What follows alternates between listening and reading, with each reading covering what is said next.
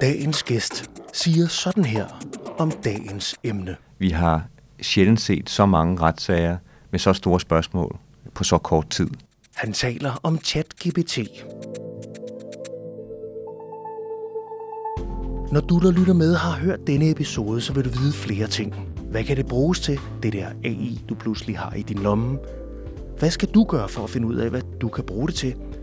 Og hvad er de ophavsretslige spørgsmål og tvister, der åbenbart er sat i gang som en lavine? Du lytter til Magtens Tredeling, podcastet fra K-News, hvor vi diskuterer jurens verden.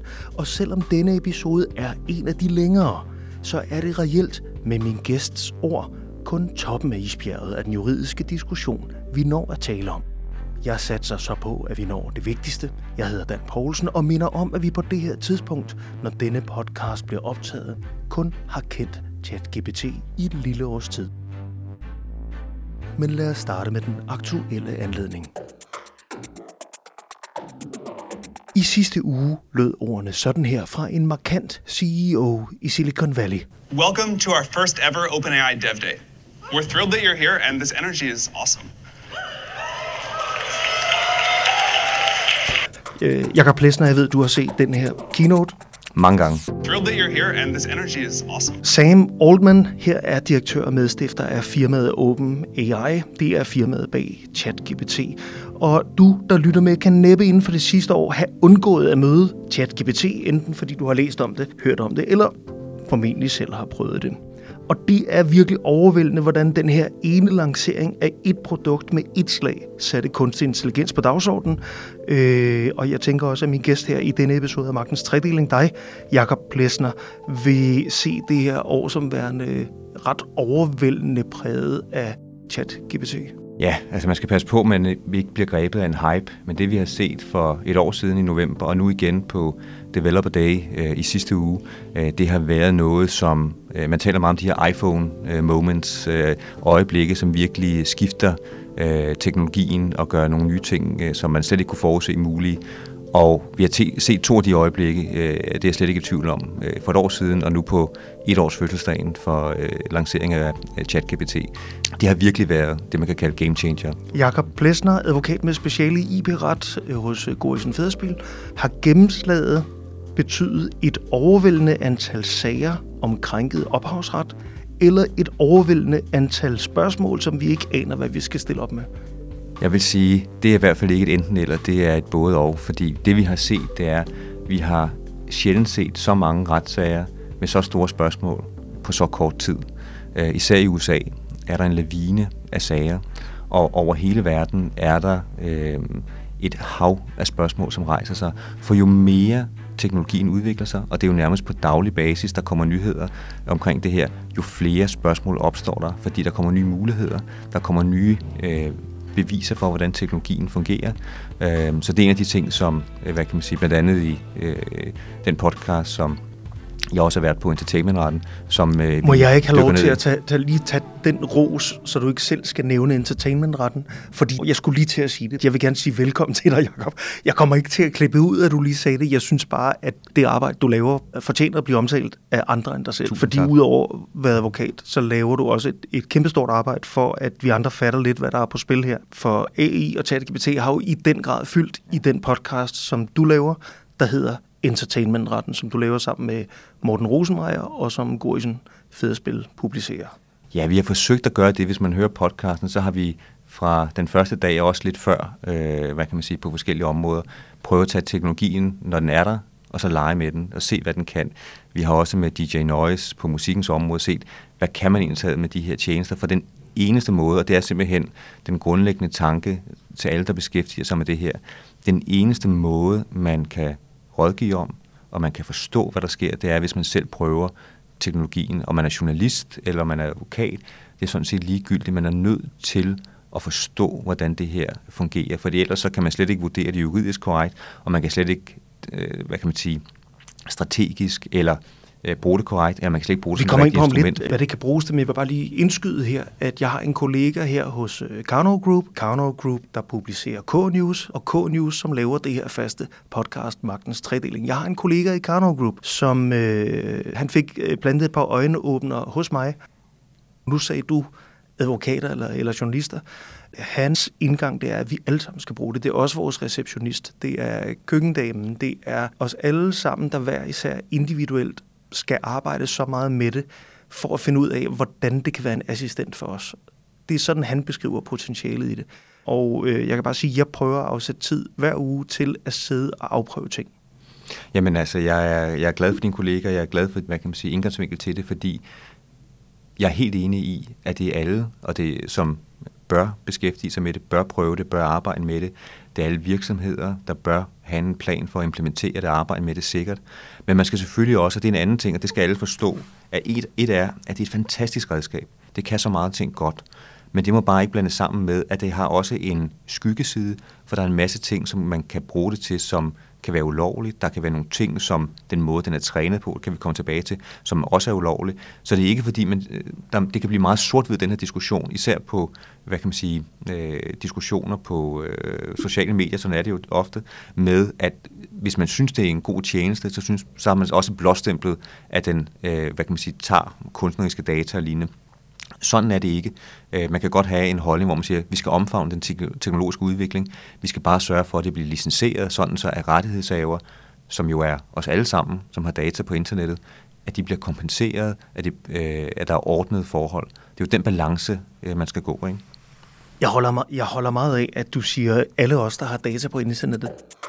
Det er en formulering, jeg vender tilbage til senere, fordi det er også noget, du har skrevet et LinkedIn-opslag.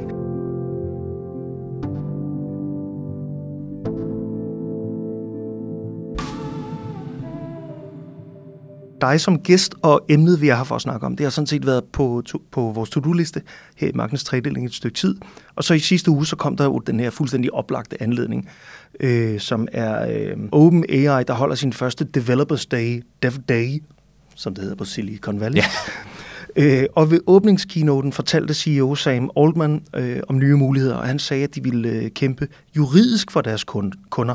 Og der er lige et klip, jeg gerne vil spille for dig her. Det er 11-12 minutter inde i den her keynote, hvor han står med en... Han står ikke i rullekrav, svætter, ligesom øh, Steve Jobs ville gøre for Apple, men ellers er der meget af den samme stemning øh, mellem ham og, og publikum.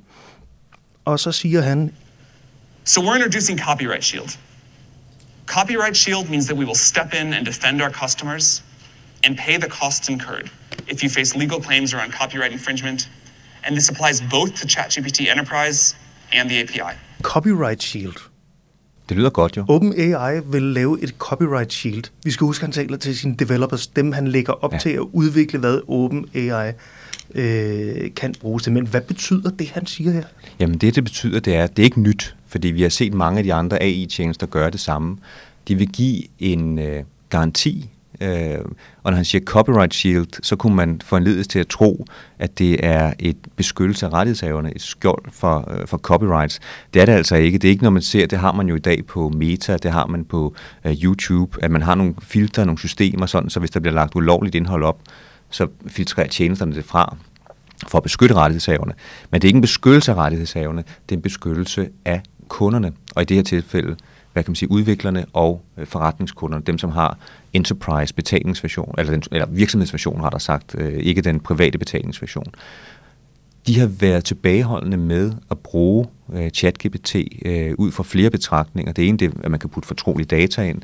Det andet det er noget GDPR. Men det sidste spørgsmål, man har været øh, hvad kan man sige, tilbageholdende med, det har været IP. For man har været nervøs for, hvis man er, er Carno Group, at man siger, nu lægger vi ChatGPT ind i vores systemer, men hvad nu hvis, at den tager noget tekst fra en bog hos en konkurrent? Øh, hvad nu hvis den gør det, laver en nyhed eller laver en opsummering, og vi så laver en IP-krænkelse? Hvad nu hvis den er trænet på noget ulovlige data? Hvad nu hvis vi laver en IP-krænkelse på baggrund af det? Og der siger man, for at berolige jer, sådan så I kommer til at bruge tjenesten endnu mere, så garanterer vi, at øh, hvis der kommer nogle omkostninger, så dækker vi dem. Man skal bare huske, at nu spiller du klippet her, men det er jo sådan en en skoletale, øh, kan man sige. Det er, det er en overskrift, for der står ikke noget om, hvad nu, hvis det er, er det hele erstatningsbeløbet? Er det advokatomkostningerne? Er det øh, også, hvis det er, man kan jo i høj grad som bruger styre ChatGPT hen. Vi kommer tilbage til prompts, men jeg kan jo lave et prompt nu, som meget nemt med sikkerhed vil øh, være en opholdsretskrænkelse, hvis jeg beder den om at lave en efterligning af in the style of, det er så svært nu lidt i ChatGPT, for de har lært af det, men man kunne nok godt få Norge overbevist om at lave en efterligning af en Tintin-tegning, øh, for eksempel, på en eller anden måde.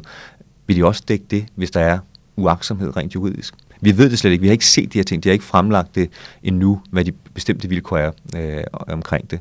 Så det er ikke til fordel for rettighedshaver i hvert fald. Det er ikke afklaret, hvordan det er, men det er et forsøg på at, hvad kan man sige, få virksomheder til at tage ChatGPT indenbords. Og den tanke kan man selvfølgelig godt forstå, øh, øh, at, de, at de gerne vil have. Det jeg hørte dig sige her som udlægning af, hvad øh, Sam Altman lige siger her, så, så er det hele lidt omvendt, fordi når han snakker om copyright, så er det egentlig ikke de copyright, der kan infringes, som vi egentlig normalt snakker om. Altså øh, de artikler, som vi skriver på K-News, eller det materiale, der ligger i, i Karnovs øh, platform, som er betaling, øh, kan også være avismateriale, berlingske. Alt det arbejde, som, som, som der ligger bag, der har skabt en værdi, som nogen derfor har en rettighed over. Nej, altså det man kan sige, det er, han, der er ikke nogen beskyttelse af dem i hvert fald, der har lavet, øh, men øh, der er en beskyttelse så af dem, som bruger tjenesten. Men det store uafklarede spørgsmål, det er, at hvis OpenAI hvis en bruger, som vi kommer tilbage til, har lavet en agent eller en assistent, som tager jeres data, så kan det altså godt være, OpenAI ansvarlig, men man gør ikke noget for, på det her, øh, i den her tale, så gør OpenAI ikke noget for at beskytte jer, for at beskytte rettighedshaverne. Og derfor er der mange rettighedshaver, som er blevet provokeret af, af den øh, statement, fordi de siger, et er, at der er nogle mange retssager, hvor der er sager med John Grisham og andre, som mener, de er blevet krænket, men de siger, nu lægger man så det her copyright shield ud, som endnu mere, hvad kan man sige, understreger, at, at de måske ikke har respekt for rettigheder. Det er i hvert fald det, der er deres statement. Det kan vi så komme tilbage til, om der er Men må jeg så ikke lige prøve at bede dig om at starte? Så prøv, lad, os lige, mm. lad os lige vente den om, i forhold til, hvad han sagde. De copyrights, vi normalt taler om, dem, som du normalt arbejder for at sikre. Hvad, hvad er den helt overordnede juridiske udfordring, som der er blevet åbnet op for med en ladeport med introduktionen af ChatGPT? Der er to. Den allerstørste, det er, at øh, ChatGPT, Midjourney, alle de her programmer. Midjourney, som er et program, der er billeder, jeg skal nok nævne ja, det. et billedprogram. Øh, de her tjenester, som øh, er generative AI, altså AI-tjenester, som kan generere øh, hvad kan man sige, indhold, billeder, musik, tekst osv., de kan kun øh, generere det her indhold, fordi de har lært hvordan tekster hænger sammen. De har lært øh, indhold øh, omkring øh, øh, forskellige øh, materialer. Øh, og det har de lært ved at kopiere stort set hele internettet, med undtagelse selvfølgelig, men enorme mængder af data. Det er det, man kalder træningsdata. Træningsdata, præcis. Øh, og den her træningsdata, den er altså kopieret, og spørgsmålet er, må man overhovedet gøre det? Normalt er det sådan, at al kopiering nærmest uden undtagelse, det kræver tilladelse fra rettighedshaverne. Men spørgsmålet er, har man øh, haft mulighed for at gøre det? Retstilstanden er ikke ens i, vi kan komme tilbage til det i Europa, USA, Japan og øh, andre steder. Den varierer fra region til region, men spørgsmålet er, det er det helt store sådan million dollar question, den her træning, er den lovlig? Fordi hvis den er ulovlig, så betyder det, at man har skrabet internettet for alt, hvad man kunne finde af tekster, også jeres tekster, alt, hvad man kunne finde af billedmaterialer, alt, hvad man kunne finde af musik, og så er alt det gjort ulovligt. Det betyder jo, at OpenAI formentlig står over for det største erstatningskrav, som man har set i Men er det fuldstændig nagelfast, at det er ulovligt? Fordi en ting er, at den har kopieret alt muligt tekst, at den har øh, kopieret John Grisham, at den har kopieret hele hele nævner jeg, fordi jeg har prøvet at tage en tekst og, og sige til chatten, øh, skriv det om til Helle Helle, og det rammer den altså meget ja. godt. Men den har jo ikke kopieret øh, noget rent indholds, indholdsmæssigt. Den har lært at kunne gengive en tone.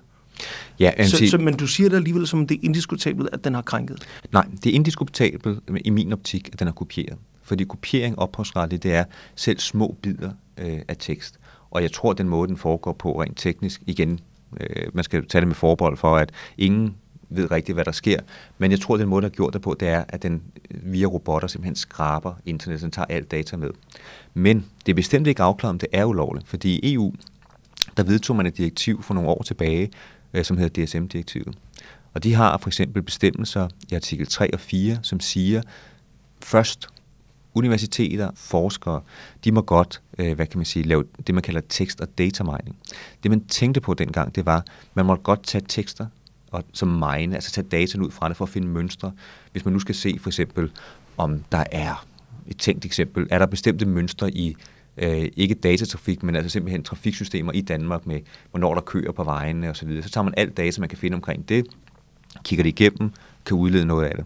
Så sagde man, okay, vi laver endnu en bestemmelse, som siger, at hvis man gør det kommercielt, så må man også gøre det, medmindre du direkte har frabedt dig det, og så frem dataen er lovlig. Det vil sige, du må ikke gå ind bag en betalingsmur for eksempel og hente det. Det må ikke være piratkopieret materiale. Så må man godt gøre det, hvis du ikke har opdaget ud. Men da man lavede det, så var der på så var der ikke noget, der hed OpenAI, ChatGPT eller lignende. Der var ikke noget, der hed Midjourney. Der var slet ikke nogen øh, sådan, af de programmer, vi kender øh, fra sidste år og frem. Øh, så det var slet ikke den form for AI, man havde tænkt på. Nogle påstår så, at øh, den her undtagelse dækker øh, de her former for øh, træning af AI, og andre påstår og siger, at det falder simpelthen udenfor. Og der tror jeg næsten med sikkerhed, hvis vi skulle lave et, et vedmål, at den sag, det er noget, der bliver afgjort for EU-domstolen. Øh, for der skal man have afklaring af udstrækning af de her bestemmelser. Er der nogle sager lige nu, du kan se, kan pege hen mod en afgørelse der, og dermed er der en tidsramme, du kan opstille? Der er ikke nogen sager i EU øh, lige nu. Der kan være sagtens være små på vej, fordi øh, de her sager opstår i de enkelte lande, og så bobler de hele vejen op til EU-domstolen. Der, hvor vi ved, der er nogen på vej, for de vil se allerede, det er i USA. I USA har man ikke DSM-direktiv, men i USA har man fair use som er jo den her bestemmelse med, øh, øh, i forhold til dansk ret og europæisk ret, så har man ikke en masse undtagelser, man har sådan en stor undtagelse, øh, hvis noget er fair use. Og øh, de her tjenester, som er baseret i USA, siger selvfølgelig, det er det fair use. Vi bruger ikke dataen på den måde, som en eller anden ophavsretlig krænkelse. Og der siger alle øh, kunstnere, kunstnere, det er jo både musikere, øh, det er øh, forfattere, det er øh, kunstnere, skuespillere og lignende, de siger, jamen prøv at høre, Øh, det er vi ikke enige i. Og så er de ellers gået i gang med det ene øh, søgsmål efter øh, det andet. Øh, og vi begynder, vi har ikke fået nogen domme endnu. Vi har set i øh, den allerførste sag, som var Anderson versus Stability, at øh, der har man øh, begyndt at få lidt deldomme, men det har kun været noget med, at sagen skulle skæres til. Øh, men der vil vi inden for, jeg tror det kommende år, så vil de domme begynde at falde sådan ret hurtigt. Grunden til, at det ikke går hurtigere lige nu, det er simpelthen, det er, det er ganske kompliceret, og de sager vil jo være skældsættende, og skal formentlig også hele vejen op til, til højesteret. Og tror, kommer de til at smitte af på Europa? Der er ikke nogen ting, som siger, man, at de skulle gøre det, men det er jo de samme principper, der er i spil. Øh, og vi har tidligere set inden for e-handels ret, øh, at de her direktiver, for eksempel e-handelsdirektivet og Digital øh, Millennium Copyright Act, de regulerer grundlæggende set det samme. Så selvom det jeg, hvis du svarer mig, og det var en jureeksamen, så vil jeg sige nej, det har de ikke. Men realpolitisk, så ser vi, at landene har faktisk ret sammenfaldende interesser.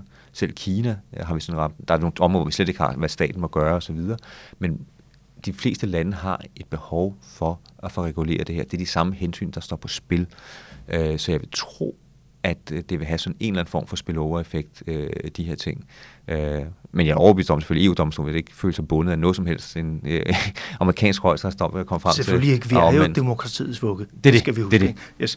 Prøv, vi har slet ikke rigtig talt særlig meget om, hvad ChatGPT egentlig gør, øh, og måske er det helt overflødigt at bruge tid på det, for det kan være alle, der sidder og lytter det her program, udmærket godt ved det, og allerede har lavet både middags øh, opskrifter og et, en plan for hele næste år med ChatGPT. Men Øh, inden jeg tager hul på de spørgsmål, som jeg synes, du også selv rejser i det opslag, du har lavet på LinkedIn, så synes jeg lige, vi skal bruge et par minutter på, øh, hvad ChatGPT gør, og hvordan den gør det.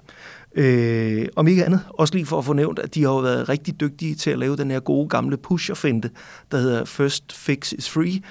Øh, ChatGPT, som blev lanceret øh, for ret præcist et år siden. Ja. ChatGPT var gratis at bruge, øh, og gratisheden har uomtvisteligt været med til at øh, øh, gøre det så udbredt på meget, meget kort tid, som det har været tilfældet. Og så kan det bruges til mange forskellige opgaver. Den er god til at løse ret komplekse opgaver i meget forskellige artede former. Den kan svare øh, alt fra i færdige sætninger, eller hele noveller, eller punktopstillinger, eller diagrammer. Øh, hvis det er det, du beder om, det er egentlig dit prompt, din ordre til den, der afgør, hvordan den udkommer. Ja, altså det, der er en helt videnskab i altså prompt engineering, at man gør det på den rigtige måde. Øh, den er ikke bare, altså, den er dygtig i de rigtige hænder. Øh, generelt er den dygtig selvfølgelig, men den kan også lave katastrofale resultater i, i de forkerte hænder. Ja. Og egentlig bare for at sige øh, opfordring herfra, tror jeg, og du må, jeg tror, du bakker op i det. Folk skal prøve det. Altså folk er nødt til at gå ned og prøve for at forstå, hvad det er, den gør, der er så øh, mindblowing på nogle punkter. Ja, og så vil jeg sige en stor opfordring til, altså husk med ChatGPT, det er jo meget mere end bare at skrive tekst. Hvis man har betalingsversionen, øh, så kan man øh, øh, tage billeder. Øh, man kan tage billeder af sin mad, hvis man skal have nogle gode råd til, om øh, er det godt at spise det her eller, eller ej. Hvis man øh, for eksempel, jeg har siddet til, til foredrag, hvor jeg godt måtte gøre det, skal jeg lige sige, øh, med kollegaer og lignende, hvor, vi har, hvor jeg har testet, at når de viser en PowerPoint, at øh, mange gange står der en masse spændende ting, men nogen laver så meget lange PowerPoints, så kan man lige tage et billede øh, af PowerPoint, hvis man sidder på, helt tilbage på tilskuerrækken langt væk fra, og så sige, lav lige en opsummering til mig af de tre vigtigste pointer. Det kan sagtens. Øh, man kan få lavet billeder til sine øh, historier eller lignende. Alt er sådan set muligt. Man kan tale til det, hvis man sætter tale på. Det, jeg prøvede på et tidspunkt, øh, nu skal man altid, man skal ikke bruge data for meget, men nu øh, prøvede jeg for testen, hvor jeg skulle køre hjem øh, en aften, øh, og øh, det var sent om aftenen efter en, et foredrag, jeg havde holdt, så kørte jeg simpelthen og talte med den og fortalte lidt om min dag, og det var skræmmende, fordi det var faktisk en, den er jo meget venlig, fordi den er jo meget sådan lidt rygklapper, ikke? Så det var, øh, det var en, faktisk en meget, øh, en meget hyggelig øh, køretur hjem. Jeg følte ligesom, jeg sad og talte med sådan en rigtig god ven, der forstod mig, ikke? Men det, det gjorde den også, men det, som, den kan utrolig mange ting, hvis man bare tør lege lidt med det, ikke? Du har opridset nogle flere eksempler op. Jeg havde sådan noget noteret her med, at den kan, den kan svare på spørgsmål, lave forretningsplaner, kan lave årsjul, øh, skrive skolestil. Jeg ved, at elever er blevet kaldt til samtaler. øh, det er også øh, brugt på universitetet. Efter nogle tid, så kom ChatGPT 4 så. Ja. Og det var så der, det gratis fix øh, gav mening, fordi øh, jeg formoder, at du har betalingsmodellen. Ja. Det har jeg her i forbindelse med mit arbejde. Det er 20 dollar om måneden. Øh, og ChatGPT 4 er jo på alle måder endnu vildere. Den kan stadig lave fejl, skal det siges. Men den er langt bedre til også at erkende sine begrænsninger og formulere det. Altså jeg, jeg prøvede lige at lave en her, hvor, hvor jeg stillede den et spørgsmål i forbindelse med en artikel, jeg er ved at skrive om en twist imellem øh, skat i Danmark og voldt. Og den ender faktisk med at svare, jeg beklager, jeg har desværre ikke været i stand til at finde specifik information om de tre punkter, du efterlyser. Det skyldes tekniske begrænsninger og begrænset adgang til visse kilder. Jeg anbefaler, og så kom med nogle anbefalinger, og så slutter den af med den der høflighed. Hvis der er andet, jeg kan hjælpe med, er du velkommen til at spørge. Men det er sjovt, og jeg ved ikke, om du har oplevet det. Øh, jeg har oplevet flere gange også, hvor han har sagt, det kan jeg ikke hjælpe med, eller desværre kan jeg ikke hjælpe med. Hvis man så og det er jo meget mærkeligt, at den kan fungere på den måde. Så man så siger til den, jamen det er jeg ret sikker på, at du godt kan. Nej, det kan jeg ikke. Jamen, du har kunne gøre det før, det kan du godt. Så nogle gange kan man faktisk godt overtænde og sige, okay, det kan jeg godt. Man kan jo for eksempel gøre det, øh, det har jeg prøvet, øh, hvor man med den nye funktion, så kan man, jeg er ikke så god til Excel-ark og diagrammer og lignende, det skal jeg helst have nogen til at hjælpe med, fordi øh, det er ikke min spidskompetence, men nu kan jeg selv sidde og tegne diagrammer, så hvor mange procentsatser skal være på og lignende. Så tager man et foto af den og beder den at lave det om til et diagram. I starten, der ville den ikke gøre det, men hvis man så blev ved med at, at stille så lidt pressende spørgsmål, så kunne den til sidst godt gøre det. Så der er altså også nogle ting, som, som er mærkelige i den her algoritme på godt og ondt. Ikke? Og så selvfølgelig til dem, der bruger det. Øh, du siger det med hallucinere, og der er jo sager omkring det, især i USA. Indtil videre, så er et godt råd herfra. Stol aldrig på det, der kommer ud af ChatGPT. Det er en sprogmaskine, som er utrolig god til at være kreativ, til at lave godt sprog, baseret på, hvordan det normalt formuleres. Den laver ikke stavefejl. Det er fantastisk. Men brug den aldrig til fakta. Man er simpelthen nødt til at tjekke og have kilder på det, man, øh, øh de, de konklusioner, kommer ud på, fordi den laver fejl, og den laver også fejl, selvom man giver den en specifik tekst med en øh, øh en pdf-fil for eksempel, siger, giv mig konklusionen her. Så, øh, jeg kan huske, at jeg spurgte den omkring filmstrækken i USA, der var blevet øh, for lidt på, på, øh, på instruktørsiden. Det var ret tydeligt, det var det, der var konklusionen. Den kom frem til at sige, jamen den verserer. Jeg sagde, jamen, det er jo ikke rigtigt. Jeg, jeg, kan, jeg kunne læse, hvad der står i nyhederne. Jamen, den, Nå, men det var du ret i. Undskyld. Så det... En vigtig ting ved ChatGPT 4, den med betalingsform, det er, at der er også en hel række plugins, man kan installere nu. For eksempel det her, vi alle sammen sikkert har hørt om med, at øh, ChatGPT 3, hele modellen er bygget på internettet, som det så ud frem til og med 21. Med den nye model kan vi installere et plugin, så du kan gå på nettet nu. Altså, så, så, så den kan øh, opdatere med viden, som er fra for et minut siden. Det er i forhold til, hvad jeg i hvert fald kan bruge det til, et kæmpestort skift. Øh, omvendt vil jeg også bare nævne et eksempel på, som, som, jeg, som er morsomt, hvor vi i den meget tidlige fase af ChatGPT 3, ChatGPT 3 spurgte den, hvem er journalister på K-News? Og så svarede han tilbage, at det er K-News er et medie under Karnov Group. Øh, de har valgt ikke at offentliggøre, det er også nogle mærkelige fjolleformuleringer, de har valgt ikke at offentliggøre, hvem der skriver. Og så skal jeg åh, det er vi altså ret, det er jeg ret sikker på. Øh, vi er ret sikre på, jeg, jeg sad med en god kollega mm. og testede det. Prøv lige at gå ind på k-news.dk. Vi gav den urlen. Ja. Og se, vi er ret sikre på, at under falen om os, der står der, hvem det er, der er journalister på K-News. Så svarer den tilbage, det har du ret i. Så begyndte den at svare, og kom med nogle navne, og her blev det scary, fordi så der var der så 20 journalister, og det er vi altså ikke på K-News.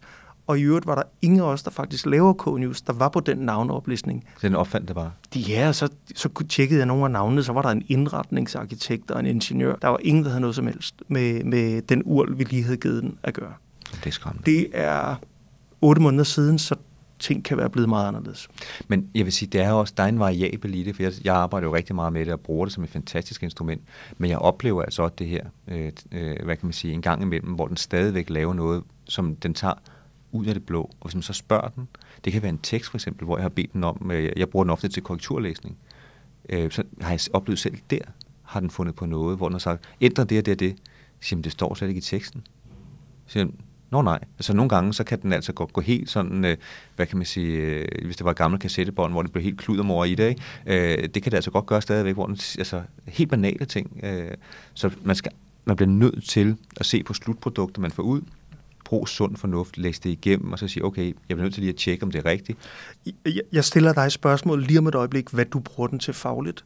Øh, men først vil jeg bare også lige komme med en disclaimer, når nu jeg selv lige har nævnt, at jeg har brugt den i forbindelse med en artikel, jeg har skrevet om en skattetvist og vold. Det var en, en prompt, jeg lavede, hvor jeg ville teste, hvor meget den egentlig kunne indsamle data fra efter 2021. Det var egentlig derfor, jeg gjorde det. Og det skal lige sige, jeg havde skrevet artiklen i forvejen, som, øh, som, som øh, vi på K-News øh, leverer til det blad, der hedder Taxo, som er til, til skattefaglige eksperter og praktikere. Så det var egentlig efter alt arbejdet var lavet, mm-hmm. og jeg mente mig i stand til at gennemskue, hvis den gav mig et forkert svar. Så stillede jeg så et spørgsmål. Jeg stillede det på dansk, så svarede den på engelsk. Og jeg, jeg noterede, at den, mens den står og arbejder, så fortalte den mig, hvilke kilder den var ude at søge på så var den på Yle, altså Finlands øh, DR. Så var den på Berlingske. Det står den og fortæller mig, mens den står og arbejder. Så den reelt laver en kildeanvisning, hvor er jeg ude at blive klogere lige nu, i real time.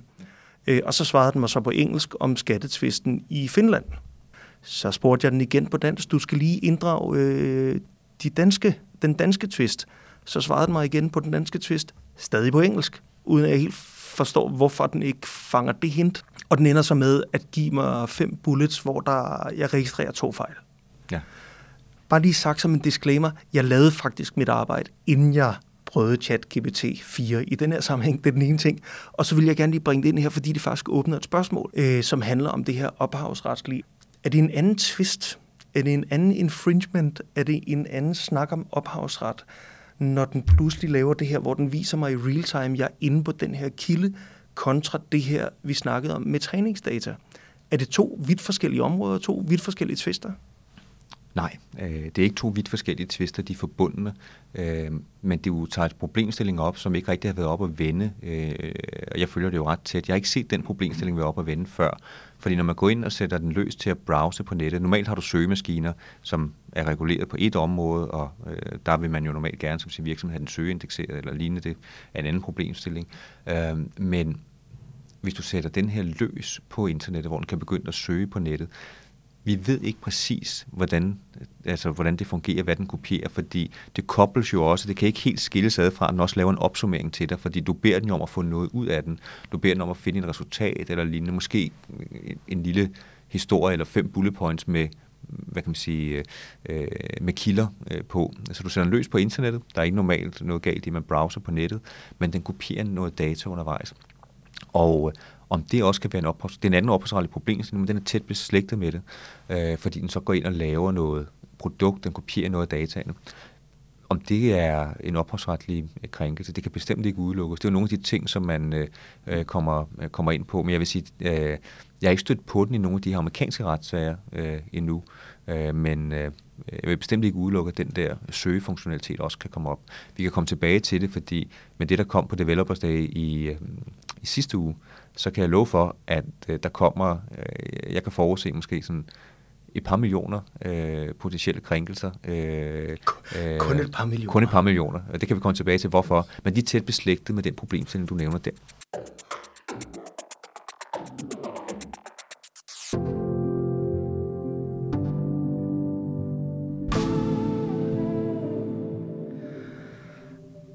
Jeg vil lige lave et lille spring tilbage til øh, den her Developers Day og spille et enkelt lille klip, mest for at introducere en af de pointer, jeg stussede over i dit LinkedIn-opslag, som formentlig rejser tusind spørgsmål hos dig, men i hvert fald bare et hos mig. Jeg skal lige se, om jeg kan finde den her. Sam Altman igen. All right, so that assistance API goes into beta today, and we are super excited to see what you all do with it. Anybody can enable it. Han har præsenteret, at man kan bygge personlige assistenter, eller firmaer kan bygge assistenter. Du skriver i dit LinkedIn-opslag, som du skriver på engelsk, AI Agents, Next Wave of Copyright Challenges. Ja, jeg tror, den del. Hvorfor det? Hvorfor det, det? Og du kalder den det toppen af isbjerget, ja. og forudser øh, et relativt voksende stort kaos på det område. Jamen det er fordi tidligere har problemstillingen indtil for en uge siden, det har været det, vi startede med. OpenAI, andre tjenester som Midjourney. Det er en tjeneste, vi kan måske tælle dem, nu der kommer en del til, så lad os sige 20 tjenester, øh, hvor OpenAI klart er, er den største. De har, og der er også flere sikkert, men, men der er ikke så mange, øh, og de har trænet data, de har trænet kæmpe mængder af data, altså potentielt hele internettet for data, er det lovligt. Men det, der så skete for øh, en uge siden, det var, at OpenAI gjorde det muligt for os selv at lave hver vores egen chat-GPT. Øh, I weekenden lavede jeg, øh, blot som eksempel, 5-6 øh, assistenter. Øh, og hvad er det? Altså, hvad, nævn, nævn en af dem. Hvad, hvad laver du en assistent, der hjælper dig med? Det kan være en assistent, som hjælper mig med... Øh, jeg går meget op i entertainmentret. Så jeg har lavet en, der øh, er min assistent i entertainmentret. Øh, så gør man det, øh, man koder den. Men kodning normalt vil jeg ikke øh, med forbehold for øh, nogle helt basic øh, kodning, øh, så vil jeg ikke selv kunne lave det. Men man skriver bare øh, hvad der svarer til en kravspecifikation, hvad man gerne vil have. Så det, groft sagt kunne det være, man får et felt op, øh, det er meget, meget simpelt øh, det her, øh, alle kan, få, kan lave det, hvis I vil prøve det derude. Så går man ind og så skriver, du er min assistent, du er ekspert i øh, entertainmentret, øh, jura, øh, du skal svare på spørgsmål fra øh, en bruger, det kunne så være mig selv, hvis det er bare min egen assistent, omkring entertainmentret. Og øh, det, der så kommer nemlig, det er, man skal træne den på noget data, og det er der, træningen kommer ind igen. Og den træning, den kan man så uploade øh, til øh, sin egen chat-GPT, og jo mere data man uploader, desto klogere bliver den. Det vil sige, jeg gjorde det ikke her. Jeg har lavet, men jeg har ikke uploadet data af forskellige årsager, øh, for jeg vil gerne blive klogere på, hvad jeg deler med, øh, med den generelle øh, chat-GPT. Men man, jeg kunne så uploade min, min lærebog, hvis jeg kunne og, og måtte, men jeg har ikke gjort det, men jeg kunne uploade noget, for noget af den. Og så kan den besvare spørgsmål ud fra det.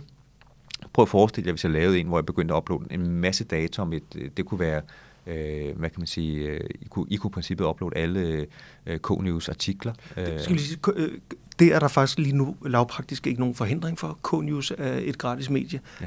Det ville være et lidt andet problem, hvis det var artikler, der er på Karnovs platform, for eksempel. Præcis. Som er noget, du som advokat betaler for at have adgang til. Ja, men jo mere information man lægger op, desto klogere bliver den, og så svarer den ud fra det.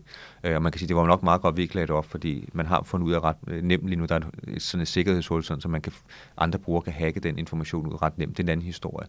Men der er altså et incitament for folk til enten selv at lægge data op, som de finder forskellige steder, eller til at skrabe internettet og så lægge information op. Og der findes programmer derude, det er derfor, det bliver til agenter, hvor man kan koble det op via den her grænseflade API, og sætte det op med andre programmer, så de begynder at hente data. Så man kunne i princippet selv sætte en, en øh, hvad kan man sige, øh, assistent, agent ud på nettet øh, og løbe en internet igennem og finde information om det område, man nu interesserer sig for.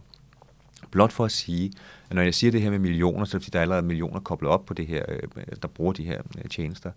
Men prøv at forestille jer, hvor stor en udfordring det bliver, når man ikke bare har nogle store firmaer, men man har altså også millioner af brugere på internet, som laver deres egne assistenter. Nu lavede jeg 5-6 assistenter, jeg er meget opmærksom på, på rettigheder, så, så bare roligt, jeg har ikke øh, fiflet med noget der. Men folk, hvor man måske siger, jamen, vi lægger der bare en masse data op, så min, øh, hvad kan man sige, tjenester bliver gode. Øh, der er øh, potentielt et hav af ophavsretlige krænkelser. Det bliver ikke bedre af, at man så på samme tidspunkt lavet en, øh, hvad kan man sige, øh, handelsplatform, ligesom vi kender for altså en store, en butik, ligesom vi kender for for eksempel Apple, hvor man kan sælge det her. Så nu er der også et økonomisk incitament til det. Øh, hvad kan man sige, til at tjene penge på det. Øh, så man kan sige, jeg skriver det her LinkedIn-opslag, men det er lidt det vilde vesten, fordi øh, minder det om, fordi nu er der altså mere end nogensinde brug for regulering. På de almindelige områder med YouTube og lignende, der har man nu via EU-domstolen blandt andet, via lovgivning, der har man platformsansvar, som siger, hvad skal de her platform, hvordan skal de håndtere de her ting. Uh, men jeg kan bare forudse, at jeg kunne godt forestille mig, at der kommer rigtig, rigtig meget mere upload af data. Ikke?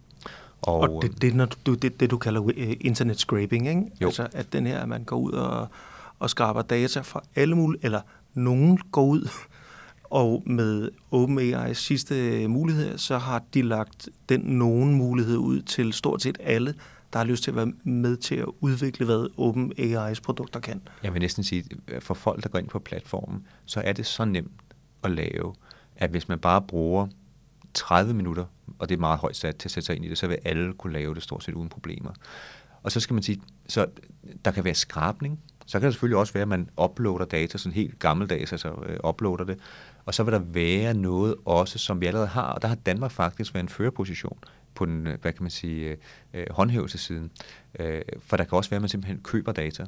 Der vil, altså data vil blive en handelsvare, hvor man kan købe store datasæt. Øh, og der var Rettighedsalliancen som nogle af de første i verden ude. Øh, Rettighedsalliancen repræsenterer række rettighedshaver, musik, film, bøger osv. Og på bogområdet var man ude og få fjernet ulovlige datasæt, som lå, hvor danske bøger var involveret.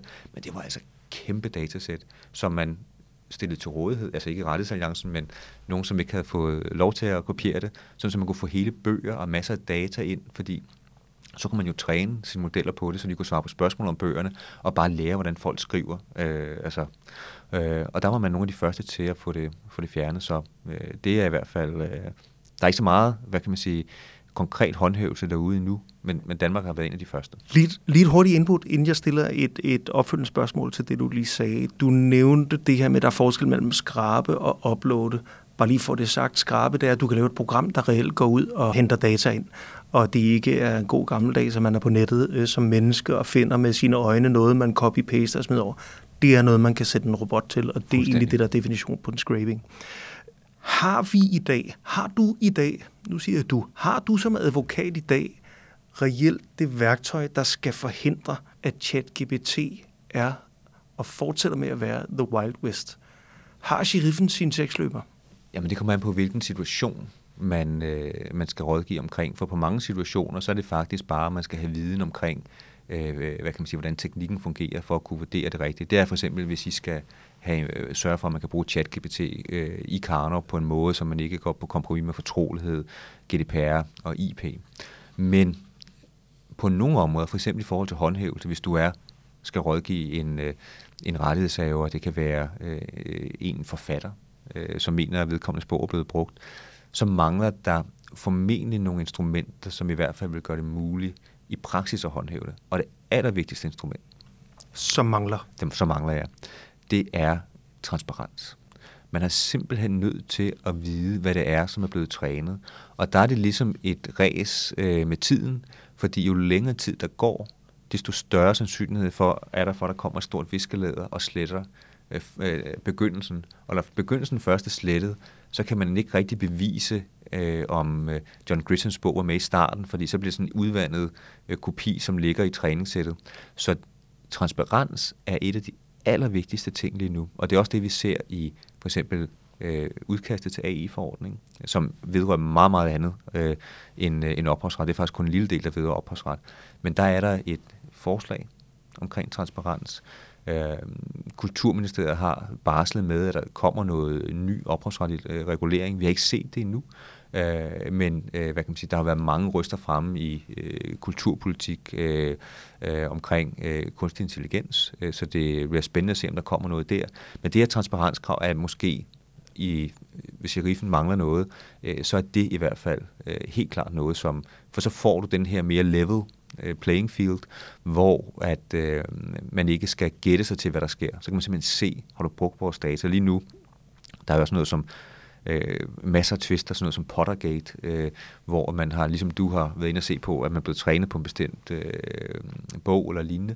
Øh, så har man søgt på, om øh, Harry Potter er blevet trænet. Kan man lave en forestillelse af Harry Potter? Og i starten fik man en masse information at vide, og nu kommer man med nogle meget politisk korrekte svar om, at det er den ikke. Og, så sidder, og det er derfor, der er mange af de amerikanske sager, handler noget som helt basalt, som at sige, vi formoder, at når du kan lave en forestillelse af vores bog, når du kan lave en opsummering af vores bog, at I har trænet på vores data.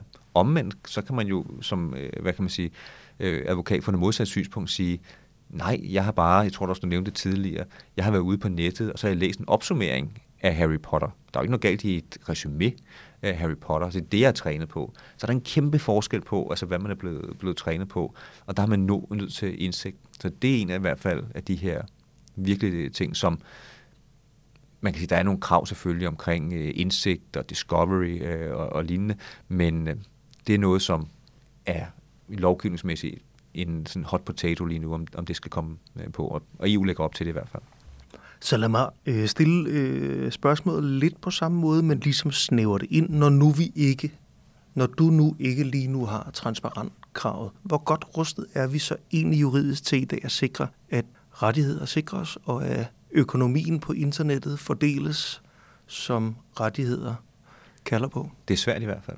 Det er svært for øh, mediehuse, det er svært for forfattere, det er svært for øh, rettighedshaver generelt at gå ud og sige, at vi skal have licens. Altså, et er, at man kan licensere det indhold, man kan se, hvis det nu er, der er forskellige former for AI, hvis det er deepfakes, så kan man sige, at det ligger derude, vi skal licensere det, og det er der dialog omkring. Øh, og deepfakes, bare så det sagt, som er øh, computergenererede billeder af mennesker, altså ansigter, der kan være sat ind. Musik, lyd, stemmer, altså efterligninger af, af rigtige mennesker.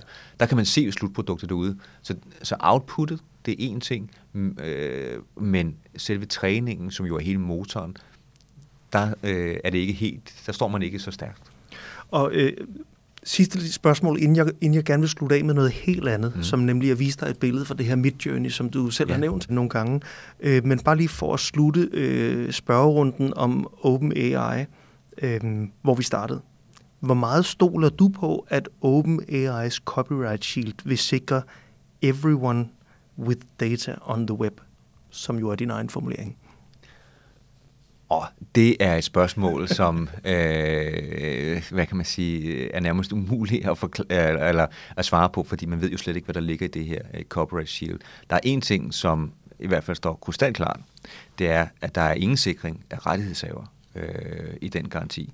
Og man får en garanti som virksomhed, det må vi se på, når vi ved, hvad der ligger i den, men der er ingen beskyttelse for rettighedshaver i den garanti. Til sidst, Jakob Plesner, tusind tak, fordi du er kommet. Inden du får lov til at smutte, så har jeg lige brug for lidt juridisk rådgivning her. Ikke? Selvfølgelig. Fordi øh, jeg har øh, været på sådan en workshop for noget tid siden, hvor vi arbejdede med ChatGPT, og også prøvet at arbejde med det, der hedder Midjourney, som er et program, der kan noget helt crazy i forhold til bare at lave billeder ud af, at du giver den nogle ord. Har, har du prøvet at arbejde med Midjourney? Ja, øh, hele tiden. Er det det, som, er det det, som I snakker om i entertainment-retten med en kat med en, der er et eller andet, I hele tiden viser tilbage til? Ja, altså vi har lavet den kat på forskellige programmer. Man kan sige, øh, der, for at være rigtig nørdet, så kan man sige, DALI 3, som øh, er konkurrent til Midjourney, den er rigtig god til at lave billeder med tekst. Øh, det kan Midjourney slet ikke finde ud af. Til gengæld kan Midjourney lave øh, billeder, som ligner professionelle fotografer. Jeg prøvede, jeg vil gerne vise dig den her, og jeg vil gerne vise dig den her, fordi jeg gerne vil vide, om kan jeg putte det her billede i min artikel, som vi putter på K-News, hvor jeg fortæller om vores podcast-samtale her. Øh, jeg indtastede i Midjourney på engelsk karikatur, rule of law, judge. Så lavede den kun på de tre ord, så har den simpelthen lavet mig det her. Ja, altså det første, jeg... jeg så laver den fire bud, skal, kan jeg lige for selv lave fire bud, og så kan jeg vælge en af dem, som jeg så kan bede den om at arbejde videre på. Ja, det første, jeg lige vil bare kommentere på, det var et spørgsmål, som vi slet ikke har været inde på, og som ikke er så meget juridisk, men som er et etisk spørgsmål, fordi øh, nu har du skrevet dommer, og det vi ser på, det er øh, fire mandlige øh, dommer. Yep. Øh, så der er, det er jo også et andet problemstilling, at den er øh, hvad kan man sige, øh, kan være ret biased i en del. Men det er en anden problemstilling, men det er blot for at sige, hvad vi lige ser på. Det er altså fire ældre hvide mænd. Præcis som du lige peger på her. Jeg prøvede også at bede den om at lave løg, bare lawyers, altså advokater. Nogle af dem ligner faktisk lidt dig, Jacob. den kom op med, øh, hvor jeg bad, bad den om at lave øh, fotos. Og det var meget markant, der var ingen kvinder.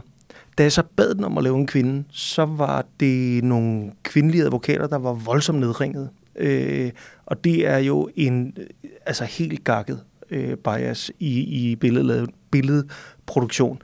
Det som Midjourney, øh, som jeg har fået, fået det forklaret, gør, det er, at den reelt har trænet på en masse billeder, har så dissekeret det ned i sådan en masse små grumsede bidder, og har en eller anden implicit forståelse af, hvad et billede er, hvad det betyder, når jeg siger øh, caricature eller judge. Og så bygger den noget, som bare er fri fantasi. Selvfølgelig er det noget træningsdata, som man, man kan snakke om her, men det er meget, meget, meget svært at sætte fingeren på, hvad det er. Ja, og det, du har helt ret i, som vi har forstået det i hvert fald, og det er den gængse forklaring, øh, er præcis som du nævner der. Den lærer, hvad kan man sige, hvordan en kat ser ud, den lærer, hvordan en dommer ser ud, og så er det der, hvor man kan sige, at den er biased øh, i noget af det, øh, i det her tilfælde. Øh, men den lærer, øh, hvordan man gør det, og så laver den et billede. I starten havde vi nogle eksempler på, øh, helt i, i starten, at øh, der var måske så lidt billedmateriale, at den godt kunne finde på nærmest at efterligne et konkret billede, fordi der var så lidt input til, hvad det kunne være. Men i dag, med, øh, med Midjourney som er der, så vil den ikke tage det som udgangspunkt øh, et konkret billede, som vi forstår det i hvert fald teknologien lige nu, og kopiere det. Det er en masse små bidder. Og for lige at afrunde den her dommerkarikatur. Jeg kom virkelig til at grine. Jeg valgte den ene af de fire og bad den gå videre med det. Og nu er der et billede af en dommer. Han er meget smilende, og så sidder han med et joystick i hånden, som jeg synes er virkelig sjovt, at den kommer op med det som et øh, eksempel på rule of law. Og så i dommerens venstre hånd, der holder han et eller andet. Jeg har lidt svært ved at se, om det er en fyldepind, der er blevet til en taktstok. Så det, jeg gjorde der, jeg gik så ind og øh, markerede den her fyldepind taktstok og bad den om at lave en ny version af det. Øh, kan, kan du se, hvad det der er til højre? Fordi jeg kan simpelthen ikke se det. Nej. Nå, men jeg bad den så om at lave det om, og så lavede den så et nyt bud. Nu er udgangspunktet så den samme søde, smilende mandlige dommer, hvor øh, den her fyldepind er blevet til fire varianter af et scepter eller en koverpind. Er sket noget med hans hånd, det kan man desværre ikke se her. Nu er det jo en podcast, men øh, den ene, der er den nærmest skrumpet. Øh, ja, prøv at se herned. Her der har han simpelthen en finger for meget. Ikke? Ja, præcis. Og heroppe der har han en finger for lidt. Og øh, der er også på en af dem, der har to højre hænder. Skal lige se her, så bad jeg nemlig, jeg vil nemlig gerne lige have, at du ser slutbilledet. Nu har jeg så givet den en kommando mere, fordi den der pind, jeg kunne simpelthen ikke finde ud af, hvad det er, den laver så skrev jeg no stick og fløjte, flute. Så nu har den forandret det til noget, der ligner et instrument, mm. en messing, øh, et messinginstrument. Joysticket er der stadig, den smilende mand er der stadig. Øh, og det her, det var den øh, kommandovej, de prompts, som endte med, at jeg har lavet ham her. Altså, hvis det der instrument findes, så lyder det sjovt, ikke? Ja, det, jeg glæder mig til, at folk kan se billedet. Jeg tror ikke, det kan spille, men det, det ser spændende ud i hvert fald. Og så tilbage til mit startspørgsmål. Mm. Må jeg lægge det her billede i en artikel på K-News? Ja, det billede må du godt lægge ud på K-News. Det vil jeg ikke have nogen øh, hvad kan man sige, bekymringer ved. Øh, man kan sige, der er to, man skal virkelig adskille problemstillingen her for træningsdata. Det kan godt være, øh, eller det er Midjourney i det her tilfælde, det kan godt være Midjourney i deres træningsdata har lavet noget, de ikke skulle det er mit journey givet fald ansvarlig for. Du som bruger, øh, der vil det være en almindelig øh, uaksomhedsvurdering, hvor har du gjort noget, som gør, at du skulle være bekendt med, at det skulle være øh, en, øh, en krænkelse af noget. Det ville være noget, hvis det var, at træningsmotoren fungerede på den måde, den tog konkrete billeder og kopierede ud fra. Øh, det er ikke sådan, den fungerer. Det er, at den har lært, hvordan man tegner øh, billeder af forskellige ting. Øh, så i det du i dit prompt ikke har bedt om noget konkret, hvis du nu har bedt den om at lave den i in the style of øh, en bestemt kunstner, eller du har bedt den om, at den skulle ligne, dommeren skulle ligne Tintin, eller Captain Haddock, eller lignende, så vil du, øh, hvad kan man sige, øh, have haft problemer, hvis du fik lov til at lave det. Nu er det Midjourney, så det har du formentlig fået lov til at gøre noget andet med øh, OpenAI, de har lidt mere restriktive øh, prompts, øh, men i det her tilfælde, så vil øh, du øh, godt kunne lægge det ud. Udfordringen er, at alle øh, vil så kunne kopiere dit billede, fordi ja. det, du har lavet her, er ikke, og det er en anden problemstilling, vi ikke har nået at drøfte så i dag. Så du mener ikke mine kreative inputs i tilblivelsen, at det her billede er store nok til, at jeg har en rettighed over det her billede? Nej. Ja, man kan sige i hvert fald, der skal rigtig meget til. Vi har haft en sag fra, øh, som udgangsreplik fra USA, hvor en person havde øh, til en kunstkonkurrence lavet et fantastisk billede via Midjourney, og han havde brugt over 600 prompts til at lave billedet, som var så fantastisk flot. Men fordi at han havde brugt AI, og fordi han ikke ville afsløre det præcise omfang, ud af vi vidste, det var de her 650 prompts, øh, eller 600, over 600 prompts, så sagde man, at intet af det var ophavsretligt øh, beskyttet. Så der er også amerikansk øh, retspraksis i hvert fald, øh, som understøtter, at det ikke er, er beskyttet. Så det er øh, hvad kan man sige, slagsiden, som øh, øh, hører med til, at det ikke er, er beskyttet. Nu sagde du lige selv det her med, at det ikke er en bestemt stil. Jeg vil bare gerne lige give dig et eksempel, som faktisk som det aller sidste øh, indrammer nogle af de ting, vi lige har snakket om. Det her, det er øh, Midjourneys bud på fire kvindelige advokater. Er det rigtigt? Er det ikke vanvittigt? Nej, det er faktisk vanvittigt. Jeg vil gerne lave øh, sådan en podcast-billede. Øh, så har jeg skrevet microphone, law, female lawyer journalism. Og det her, det er endda, efter jeg også har givet prompten, jeg vil ikke se hud, no skin, så laver den de her tre billeder, eller fire billeder. Ja. Og der, hvor det så bliver rigtig sjovt, når jeg så til den her siger Go Banksy, og nu må du gerne give mig din umiddelbare reaktion på de fire billeder, du ser nu, mm. som er en banksificering af de her fire kvinder. Hold da op. Det er til gengæld, øh, det er til gengæld skræmmende. Må jeg lægge det der billede i artiklen? Nej, det skal du ikke lægge op. Øh, hvad kan man sige, de her Banksy-billeder i hvert fald. Øh, de andre billeder, der er forskellige problemstillinger, du nævner her, og ja, man bliver helt trist, øh, når man ser i forhold til, øh, hvad kan man sige, bias og diversitet. Altså, der, det er jo et tydeligt eksempel på, at den er, hvad kan man sige, øh, igen er, øh, hvad kan man sige, meget, meget stereotyp øh, i sin gengivelse øh, der på de billeder. Det er også tydeligt, når du går ind på Banksy her, øh, hvad kan man sige, der får du i hvert fald en stilart, øh, som jeg vil øh, råde dig til ikke at lægge op, fordi det er i hvert fald for risikofyldt. Det kan godt være, at det ikke ligner en konkret Banksy-billede, øh, men øh, du er i hvert fald over i den stil, hvor man godt kunne øh, komme i problemer. Så øh, det første billede vil jeg sige, det må du godt lægge op øh, uden juridiske problemer. Det andet billede, du viste, det vil jeg fraråde, men det er jo for etiske øh, betragtninger. Der skal i hvert fald være for, med tydelig angivelse af, at det er, øh, viser også noget om, at den er, er biased. Så, så det, du snakker om, det er billederne med de kvindelige advokater? Ja. Det vil du ikke lægge op? Nej, det er ikke ud fra en juridisk det er betragtning. etisk. Det er, ud fra, nej, det er simpelthen bare, så skal man, når man lægger det op jo, så bør man øh, disclaime, at det er simpelthen for at vise, ja. hvordan, øh, hvad kan man sige, AI øh, opfatter øh, kvindelige advokater, fordi det er, hvad kan man sige, øh, øh, det er jo meget, meget stereotypt. Kon- context is king, hvis ja, jeg skal lægge det her billede. Præcis. Det er, yes. det er nemlig helt altså journalistisk i hvert fald, men det er ikke nogen øh, juridiske betragtninger. Og det sidste billede, det er selvfølgelig en juridisk betragtning, for der ser vi nogle billeder her på din skærm, øh, som er i stil af Banksy i hvert fald. Øh, det er formentlig ikke direkte, øh, hvad kan man sige, efterligninger, som jeg kan se det, uden at kende alle Banksys øh, værker, men det er i hvert fald samme stilart, og det er jo også, øh, hvad kan man sige, noget, man kan blive øh, dømt for rent ophavsret, det vi har haft sager omkring, hvis det er den samme i musikken kalder vi det vibe, men hvis det er den samme stil i hvert fald. Øh, så øh, den sidste, det er klart et, et no-go. Jakob Plesner, med de ord vil jeg sige tusind tak, fordi du kom og deltog i Magtens Tredeling. Det er blevet en længere episode, end vi plejer at lave, men jeg synes, det var svært at gøre kortere, når, når det nu er kunstig intelligens og AI og ChatGPT, som vi snakker om sådan for alvor for første gang, efter vi har haft det et år. Så tusind tak, fordi du kom. Jeg tvivler på, det er sidste gang, vi snakker med dig. Jeg siger tusind tak, fordi jeg måtte komme forbi, og tak, fordi I laver den her øh, fremragende podcast-serie. Det er jeg meget taknemmelig for at kunne være med i.